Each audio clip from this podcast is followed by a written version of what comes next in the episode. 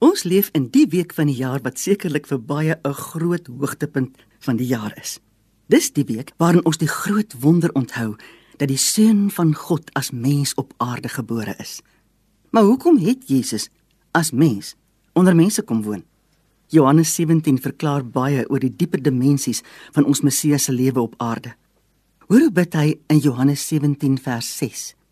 Ek het u naam geopenbaar aan die mense wat u my uit die wêreld gegee het. Hulle het aan u behoort en u het hulle aan my gegee en hulle het u woord bewaar. Jesus moes onder andere mens word sodat hy die naam van sy Vader aan die mens kon openbaar. Hy het kom vertel en kom wys wie sy Vader is. Die manier hoe Jesus geleef het, het die Vader aan mense geopenbaar. Die Vader het alle mense lief.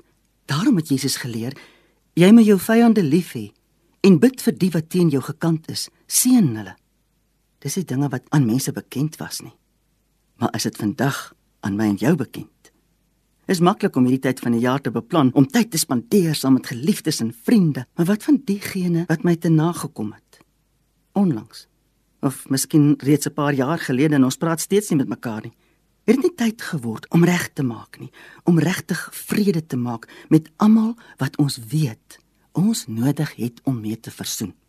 As Jesus sê hy het gekom om die naam van sy Vader aan ons bekend te maak.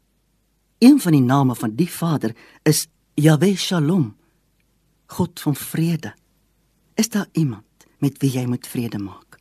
Doen dit. Vergewe en maak vrede. Het jy dalk nodig om jouself vir iets te vergewe? Ons maak almal soms droog. Ons het nodig om ook onsself te vergewe.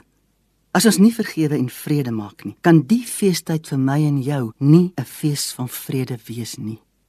In U naam vra ek, help ons om regtig eerlik voor U te wees en help ons asseblief om vrede te maak sodat ons werklik 'n fees van vrede kan vier. Amen.